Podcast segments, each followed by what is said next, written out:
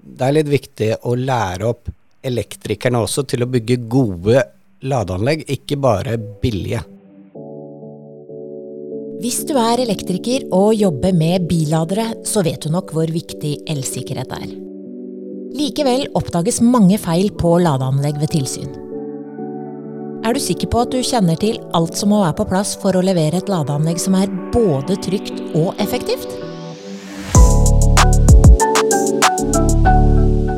De to ladenerdene Kjetil og Jan Cato er lidenskapelig opptatt av elsikkerhet. Vi er jo like interessert i å gå i dybden som i bredden, så når vi to snakker sammen, så er det sånn at vi kan utfylle hverandre veldig også.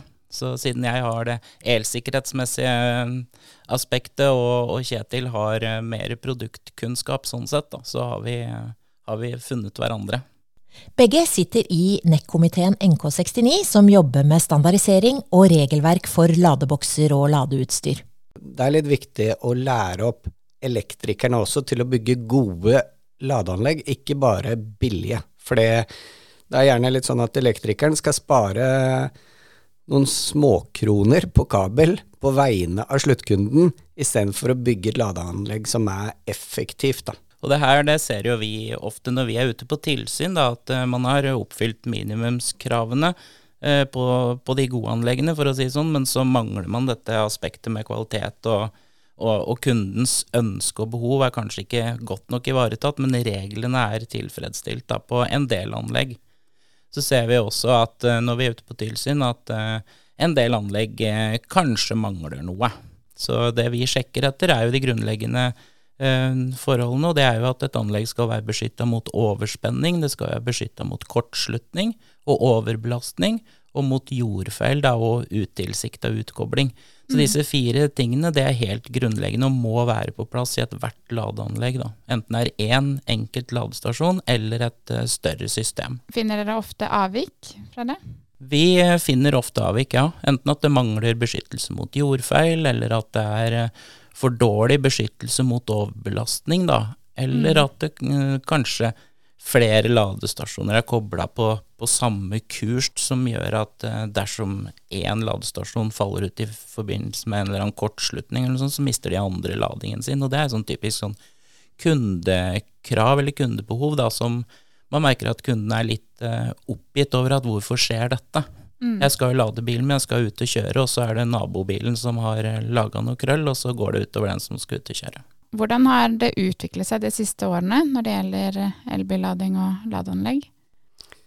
Eh, når jeg starta med elbillading i 2013, så var den største konkurrenten vanlig husholdningsstikkontakta, eller sjuko-stikkontakta. Det var mm. det vi konkurrerte mot.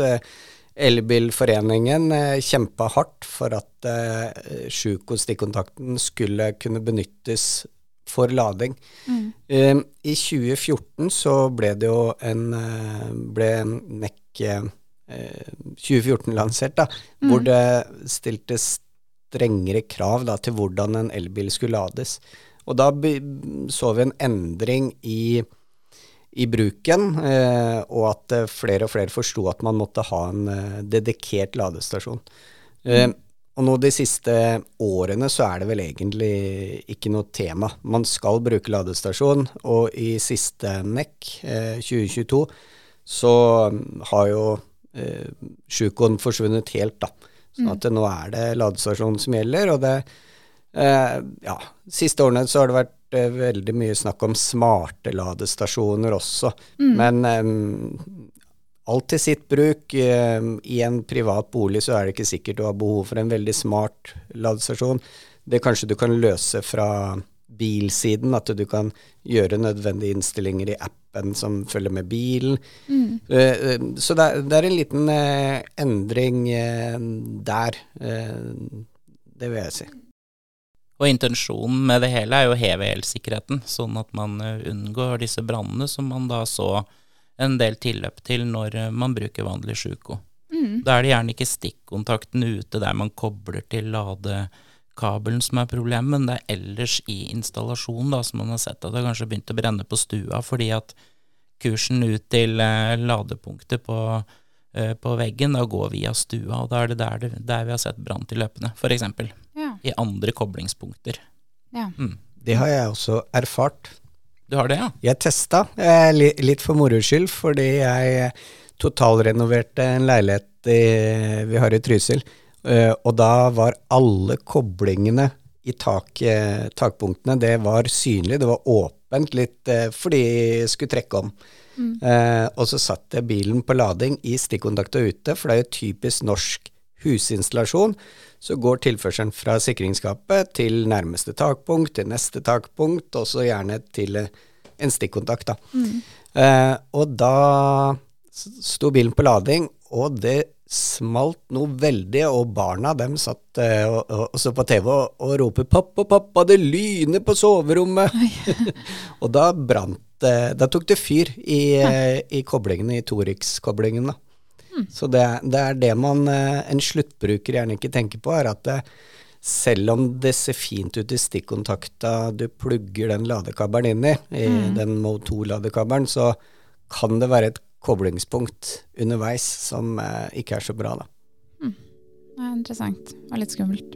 Litt skummelt, og det var greit når jeg hadde alt åpent og kontroll på det.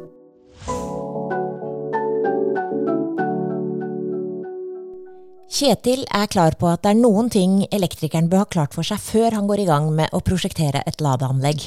hvor er det laderen skal eh, brukes, og eh, er det offentlig, er det privat? Eh, nå med NEC 2022 så kom det også tillegg hvor det beskrives ladeklare bygg, og da er det vel 1,4 kW, mener jeg å huske, som, som da er det man går ut ifra, da. Eh, 1,4 1,5. 1,5 kilowatt, ja. ja. Eh, så, så det er ikke så mye. Eh, men når man da prosjekterer et anlegg med 1,5 kilowatt, og det er trefas 400 volts lading, så er det ikke mulig å få så lite som 1,5 fordelt på tre faser. For da er du under 6 ampere, noe som gjør at de fleste bilene ikke tar det imot. Så da må du over på enfaselading, da. Så, så det, er, det er litt sånn eh, 1,5 er eh, veldig ofte altfor lite, egentlig. Men så det du sier er at kravet for ladeklare bygg er at det er mulig å få 1,5 kW? Ja, det er det man skal gå ut fra når man prosjekterer, da. Ja. Men eh, det er jo enkelte elbilladere som reklamerer med at de har opp mot 22 kilowatt. Eh, det er jo ganske stor forskjell på det og 1,5. Ja, 22 kW det er jo også kun eh, i de tilfellene hvor det er 400 volt, da, eh, Mm. TN-nett. Eh, og da er det jo 32, 32 ampere på trefas.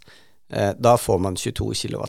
Mm. Eh, og det er veldig bra eh, om du har det tilgjengelig. Og det, det er gjerne en energistyring som legger inn eh, og overvåker for å sikre at eh, hovedsikringen i bygget ikke går, da. Mm. Eller at det går utover annen infrastruktur. Så i et eh, godt ladeanlegg så kan det være sånn at flere biler lader med 22 kW. Eh, og om det kommer flere biler og plugger seg til, så vil de få litt mindre eh, etter hvert som antallet øker. Men hvis man har prosjektert dette for dårlig, så vil det medføre at eh, bilene, noen biler blir satt i kø. Eh, og om du drar eh, Elbilforeningens ladebrikke eller bruker appen eh, for å betale for lading, og du kommer tilbake etter fire-fem timer og ikke har fått noe lading, eh, da blir man frustrert og eh, forbanna, og gjerne da eh, på den som leverer ladetjenesten, som da også kan være Apcoa, da. Er det mange steder det er sånn at hvis det står allerede et par biler og lader på makseffekt, så blir, må, de, må det lades helt opp før du selv får eh, lada? Ja, det, det er sjelden de får makseffekt med energistyring, men eh, vi ser tilfeller hvor infrastrukturen er så dårlig at eh, bilene ikke eh, får lading eh, pga. at det er, bilene blir stående i kø da, og venter. Mm. Og det er et eh, problem. Eh, så det er noe som elektrikerne bør tenke over når de skal levere et godt ladeanlegg. Da. Mm. Det her har vel også litt med den nye nettleiemodellen å gjøre, da, som er også jevne ut forbruket litt. Så hvis man da tenker på den opp imot det behovet som kunden har, så kan man komme i et eh, lite dilemma der også, da.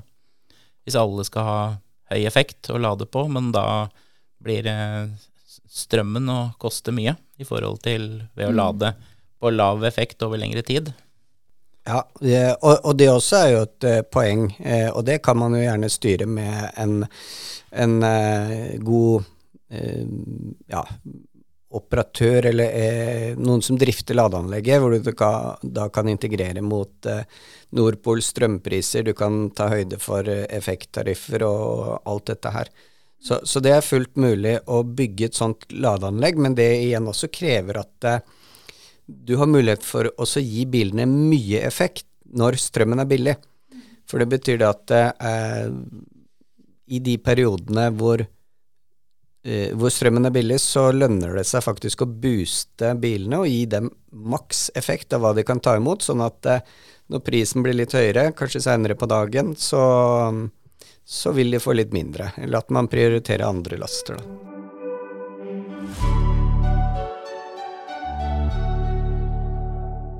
Hva er det man må tenke på hvis det er eh, en forbruker som skal ha en hjemmelader? Eh, det, jeg antar at det er litt enklere, men eh, har du noen refleksjoner der?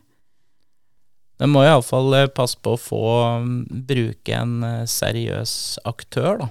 En seriøs installatør mm. som har kvalifikasjonene og autorisasjonene sine i orden, og som bruker anerkjente produkter mm. som er godkjent og, og testa, da, og som fungerer etter hensikten.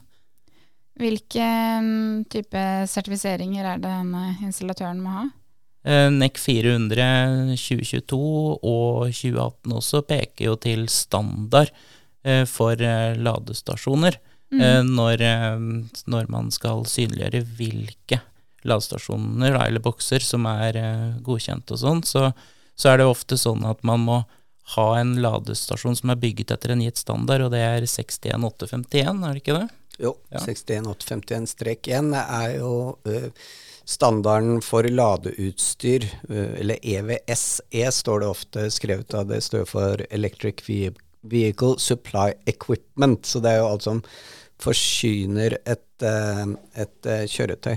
Men det er, det er, jo litt sånn som Jan Cato inne på med mm, hjemmelading her og sånt nå, så er det ofte det at elektrikerne setter opp en sikring i skapet istedenfor en jordfeilautomat. Da sparer elektrikeren kunden for kanskje et par hundre kroner. Det er ikke store prisforskjellen. Istedenfor å sette opp en kombiautomat uh, i skapet. For de fleste ladeboksene har jo RDCDD, DC-beskyttelse i seg, og da holder det med en uh, type A. Fordi eh, både eh, NEC 2022 og 2018, eh, 2014 også, setter jo krav til utstyret eh, og hvordan, eh, hvordan, installasjonen skal være. Og eh, det er noe i NEC som defineres som normative referanser.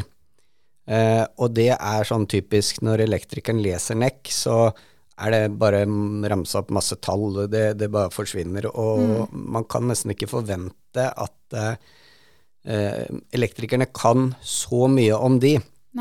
Um, der har jeg brukt mye tid, uh, for å si det sånn, og penger, uh, for å lese meg opp på de standardene. Mm. For uh, hvis jeg vil spole ja. litt tilbake, du sa at man heller skulle sette opp en kombiautomat istedenfor eh, Jordfeilvern, f.eks. Hva er en kombiautomat? Nei, ikke kombiautomat istedenfor jordfeilvern, men istedenfor en sikring. Ja. En kombiautomat det er jo da en, ja, kalles ofte jordfeilautomat også. Mm. Det er kombinert eh, overstrøm og, eh, og eh, jordfeilbryter, da. Ja. All, begge deler i ett. Så, så, grunnen til at man uh, bør sette opp det, da, er fordi at ikke alle disse ladeboksene har den komponenten i seg. Og den komponenten må være i installasjonen eller i ladeboksen. Mm. Så for å bygge et uh, anlegg da, som uh, er uavhengig av hva slags type ladeboks du setter på i enden, ja. så setter man da en kombiautomat i forkant. Så ja. kan man sette på hvilken som helst ladeboks i andre enden. Ja, Så Mm. da er du helt sikker på at du har gjort det riktig, hvis du setter opp en Ja. kombiautomat. Og da, da gjør du kunden en tjeneste også med å fortelle at nå har du et anlegg som er eh, mulig å oppgradere eller endre ladeboks uh, hvis behovene skulle endre seg, eller eh, teknologien skulle bli en annen. Ja. For det, i, i NEC så, så refereres det til, til hvilke standard eller normative referanser eh, som jordfeilvernet skal være i henhold til. Da. Mm. Og det er da 61008, 61009 og 62423, eh, som da er henholdsvis eh, eh, jordfeilbryter, og så er det kombiautomat, og så er det jordfeilbryter type B. da. Eh, og enkelte leverandører hevder at de har dette her integrert i boksen, Mm. eh, men eh, det stemmer ikke alltid at det er i henhold til kravet. De har kanskje utvikla et vern, men uh, så lenge det ikke er i henhold til kravet, så kunne de laga så godt uh, jordforvern de bare vil, men da må man ha en dokumentasjon på det da, ifra en tredjepart.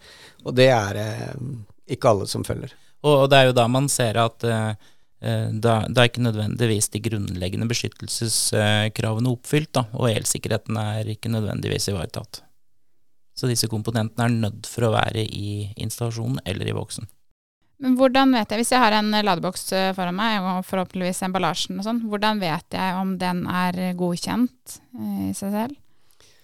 Det skal stå skrevet i produsentens samsvarserklæring. Eh, men eh, vi har jo også sett at de samsvarserklæringene i noen til tilfeller endres eh, uten at produktet har blitt endra. Men eh, Schneider Electric laga en eh, sjekkliste her for noen år tilbake eh, på hvordan man kunne identifisere det, og da er det typisk å kunne se om det er en av- og påbryter. Um, Testknapp. en testknapp skal det være. Eh, det skal også være merka eh, med et symbol eh, på, på produktet da, som viser at det er eh, det dedikerte vernet. Eh, og så er det jo også krav til at det skal være alpolibrudd, da. Eh, og det Hva ivaretar kalte du det? Alpolibrudd, det betyr det at man skal være sikra at alle faser brytes samtidig. Ja.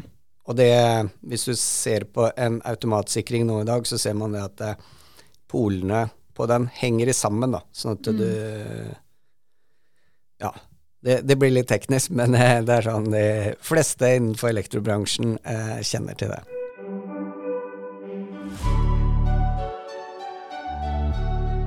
Hvor godt kjent er elektrikere generelt med hvordan man skal tolke NEC 400 med tanke på elbillading? Er det god kjennskap til hva man skal gjøre?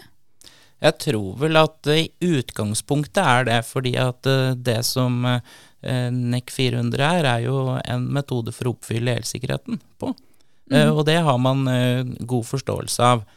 Men så er det sånn at det er en del villfarelse og rare meninger om, om spesielt kapitlet som har med lading av elbil å gjøre. Så jeg tror det, man har skapt en forvirring som er egentlig helt unødvendig. Og det er jo litt eh, det som jeg sa innledningsvis, at det skal være beskyttelse mot overspenning, kortslutning, overbelastning, jordfeil og utilsikta utkobling. Det er fem ting som er kjempeenkelt å huske på. Så hvis man kan verifisere at man har det i installasjon eh, eller i produktene, så, så har man kontroll. Og det er eh, kort oppsummert kapittel kapittelet om elbil. Ja. Sånn. Men, men der har jo produsenten også vært med å forvirre litt, da. Eh, men jeg bruker å si det til elektrikeren at les gjerne innledninga på NEC. Eh, de første sidene eh, i Nekk står det en bruksanvisning, rett og slett. Hvordan lese Nekk. Mm. for eh, når det gjelder elbillading, så er det en del eh, elektrikere som velger å hoppe rett til kapittel 722 så glemmer de det som står i kapittel 4 og 5, men kapittel 722 er jo egentlig bare et tillegg da, til det som står i de andre kapitlene. Hva er kapittel 4 og 5, da? Ja, kapittel fire er jo da beskyttelse for sikkerhet, og er jo da beskyttelse mot eh, eh, sjokk. Det kan være beskyttelse mot termiske virkninger, eh, mot overstrømmer, eh, og spenningsforstyrrelser og elektromagnetiske forstyrrelser. Eh, del fem er jo da valg og montasje av utstyr. hvordan man velger å, å, legge opp eh, ledningssystemet, hvordan man plasserer utstyr og sånn, så det er beskytta mot de ytre påvirkningene. da. Og det er generelt for alle installasjoner? Ja, det, det gjelder alltid. Ja. Mm. mm. Så har du da dette tillegget som er spesifikt for elbil, som presiserer elbil ytterligere. Så det, det, er sånn det, det er noe som Eller i del fem så er det en tabell, 53D, som også peke på hva slags komponenter man kan bruke til de ulike oppgavene. Da. Og da står det bl.a. definert at eh, kontakter og, uh, og releer ikke kan benyttes for å bryte ved jordfeil. Ja. Um, og det gjelder uansett. Eh, mm. Putter du dette inn i en boks, så hjelper ikke det heller. Eh, er det usynlig, så er det fortsatt eh, de samme reglene som gjelder. I Norge så er det jo litt værhardt osv. Er det noe blir vi påvirket av vær og temperatur når det gjelder ladeanlegg, og feil som kan oppstå eller lignende? Ja, man, eh, man, gjør jo det for eh, disse boksene. Noen er eh, store, har stort volum og kan kanskje takle temperatur. Altså når man lader, så går det en energi der. Da. Den utvikler jo varme. Mm. Så en stor boks vil kanskje transportere varmen vekk på en bedre måte enn en mindre en. Da. Men her er det jo teknologi i boksene som er med på å koble ut hvis den skulle bli for varm. Det kan også være en ulempe for mange, da, fordi at har du en stor boks med stort eh, rom, så takler den kanskje høyere belastning over tid enn en mindre fin, flott boks, eh, som da kobler ned eller kjører ned ladeeffekten på eh, hvis den blir for varm. Og det går utover opplevd ladehastighet. Ja, så hvis jeg som forbruker har mest lyst på den minste elbilladeren fordi det ser fint ut, så er det ikke sikkert at det er best for meg i alle tilfeller. Ikke nødvendigvis, så det, det er en ting man må være oppmerksom på, iallfall. Så det er jo også ulike standarder man må teste og, og, svare opp for der også, med tanke på sånn type funksjonalitet. Så det går mm. direkte på termisk mm. påvirkning. Mm. Blir man påvirket av holdt på å si, sjøsprøyt eller eh, andre typer ting? Ja, hvis man har eh, noe som står ute i havgapet eller eh, sånn, så er det typisk saltråke. Da. Det, mm. Men det er jo også disse buksene er testa for det òg. Eh, de blir testa i mm. håper å si, dårlig vær og dårlige forhold over tid, og de aller fleste tåler det, tror jeg. Ja. Iallfall oppfyller minimumskravene. Ja. Så de blir satt, utsatt for vær og vind i form av kaldt vær, minusgrader, og varmt vær og fuktig, mm. og som sagt eh, salt. Da. Så er det jo sånn at eh, disse, disse, produktene har jo eh, en standard som de skal følge, og den standarden passer jo på at alle disse tingene er ivaretatt. Mm. Mm. Jeg har vært borti en kunde en gang som klaga på ladeboksen fordi Eh, det ikke gikk an å åpne lokket til ladekontakten. Eh, dette var oppe i Bergen, nærme sjøen. Det hadde sludda og føyka, og så frøys det på. Så hele ladeboksen var pakka inn i is. Ja. Eh, men det kunne du ikke løst med uansett hvilken ladeboks du har. Det, det, blir som å si at en stein som får isbelegg på seg, at det er noe feil med den. Så, så det, ja. det, er ikke all, alt man kan ta, ta, høyde for. Det er det ikke. Og så er det jo et poeng at det er forskjell på bølger i Oslofjorden og bølger eh, på yttersida i Lofoten.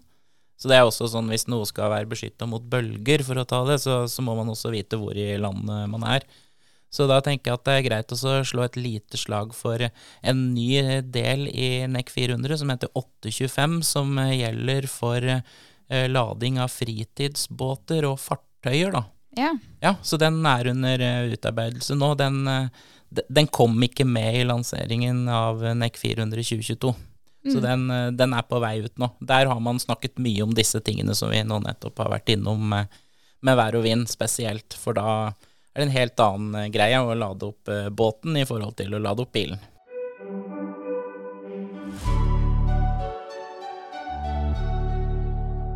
Når det gjelder feil ved enten hjemmelader eller ved anlegg, det, er det noen typiske tilfeller som dere ser? Vi har eh, fra tilsyn side så har vi stort sett eh, registrert at det mangler komponenter da, for å ivareta den grunnleggende beskyttelsen.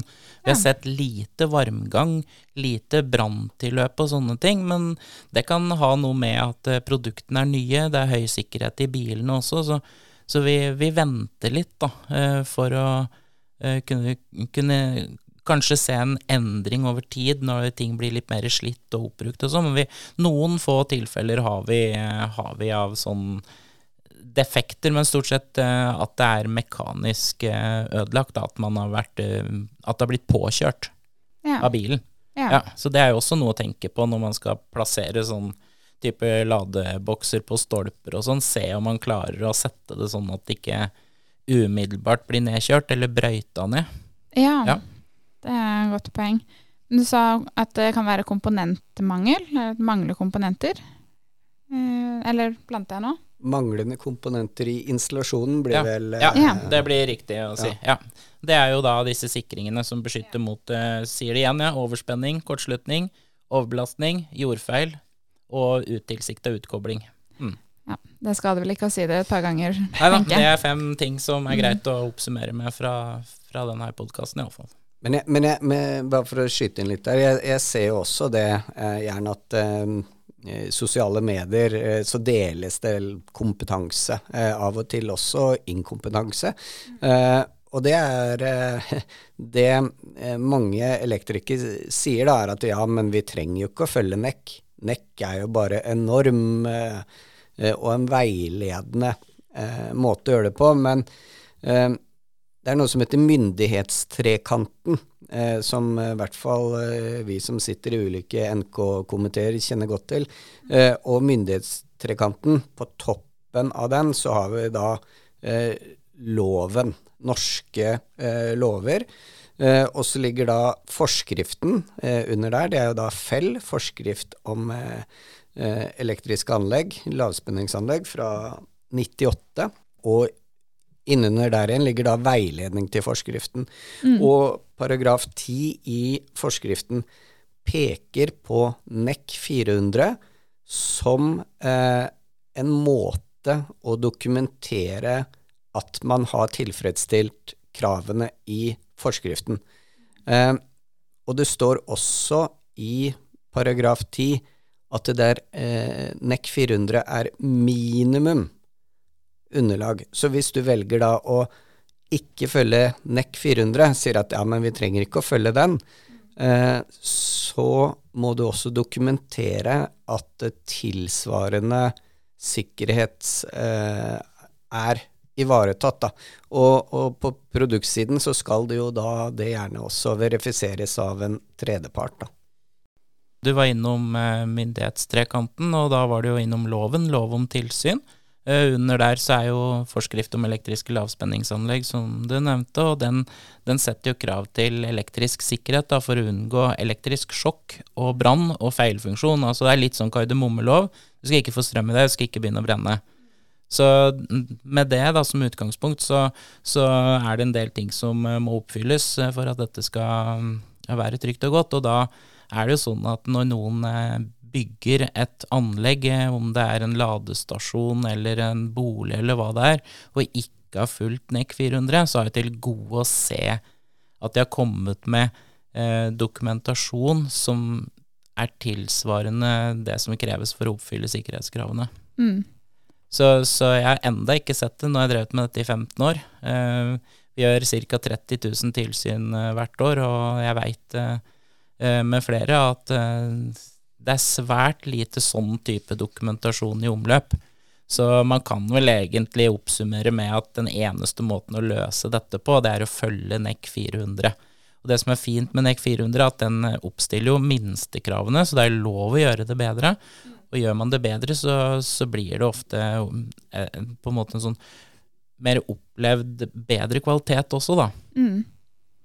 Som vi var inne på i stad, med høyere kapasitet til forbruker, for, for eksempel. Ja, fordi at én ting er jo at eh, bygger du etter minimumskravene, så, så oppfyller du minimumskravene, men det sier egentlig ingenting om hvor lenge skal dette vare, da. Mm.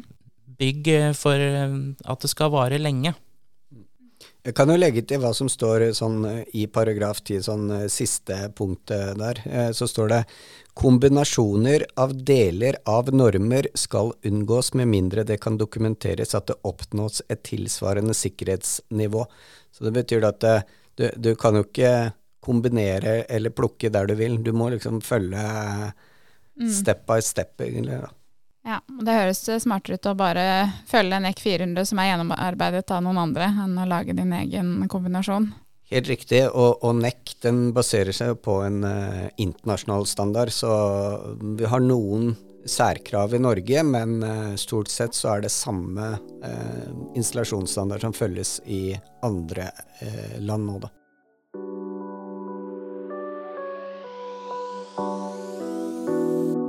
Vi har snakket mye om installasjon av lader og ladeanlegg men, eh, og feil som kan oppstå i forbindelse med det. Men er det forskjell på ulike typer biler, ulike typer kabler eller annet utstyr som kan påvirke funksjonen på ja, anlegget? Det er det. Eh, vi som drifter ladeanlegg ser jo det eh, kan være en utfordring. Eh, vi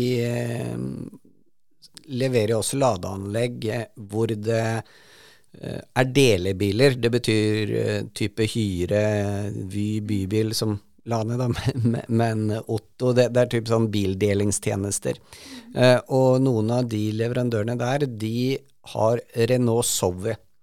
Renault Zoe er ikke glad i det norske strømnettet. Eh, norske IT-nettet, eh, da vil ikke Zoe lade. Eh, og på 400 volt så er det jo sånn at hvis eh, Renault Sover plugger seg til på trefas 400 volt og får mindre enn 13,2 ampere, tror jeg det er, så vil den heller ikke lade. Så det betyr at eh, du må sette minimum 14 ampere for å ta hensyn til Renault Zoe i et 400 volt trefaseanlegg. Eh, har du et 400 volt anlegg med enfaselading, så takler Sovi eh, ned til 7, et eller annet. eh, men da setter man gjerne minimum 8 ampere om man skal ta hensyn til Solvay. Så, så, det eh, skaper litt eh, utfordringer, eh, spesielt med dette med kødannelse. Da. Eh, for hvis du ikke kan gå lavere enn 14 ampere for å ta hensyn til Sovi, så betyr det at da vil man få en kø mye tidligere enn om man ikke tar hensyn til Zoe. Så det er primært Zoe som skaper utfordringer i Norge? Ja, Eh, det, det, vil jeg si. Det, det, hender også at det er en og annen ny bil hvor det har vært noen software-problemer og sånt nå, hvor man da kanskje må justere litt, men det har de fleste ladeboksprodusentene blitt veldig flinke til, da. Er det noen andre ting som dere vil legge til som vi ikke har fått uh, snakket om i dag? Jeg, jeg, kan jo egentlig bare poengtere igjen uh, det med um, installasjon av ladeanlegg, at det er viktig at man tenker på hvordan skal ladeanlegget brukes. Um, for uh, i et ladeanlegg, flatkabel, som elektrikerne er blitt veldig glad i, 63 ampere på Eh, på 400 volt, så er det lik 44 kilowatt. Og da vi som skal uh, få inntekter ut fra, fra solgte kilowattimer, si at vi har én krone påslag, for å gjøre det enkelt, så betyr det at det i det ladeanlegget så ligger det 44 kroner per time uansett. Hadde elektrikeren da kanskje eller latt kunden få investere litt bedre infrastruktur, så hadde det også generert større inntekter. Da. Så, så det er ikke alltid det å spare på kabel er eh, en god løsning for eh, den som eier ladeanlegget heller. Jeg har lyst til å, å, si en ting som vi ikke har vært innom, som, eh, som vi kanskje må få, få, med, og det er jo det at eh, det kommer jo en del biler nå som kan mate strøm tilbake på nettet. Mm.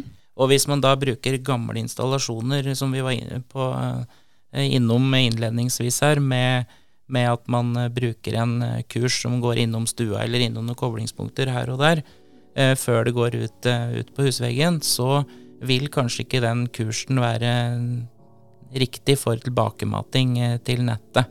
Da kan det iallfall oppstå store problemer. Så jeg anbefaler iallfall å legge opp en egen kurs fra sikringsskapet og ut til ladepunktet. Og sikre med de verna som vi har snakket om. Og på den måten så har man også klargjort for morgendagen med tanke på tilbakematting på nettet.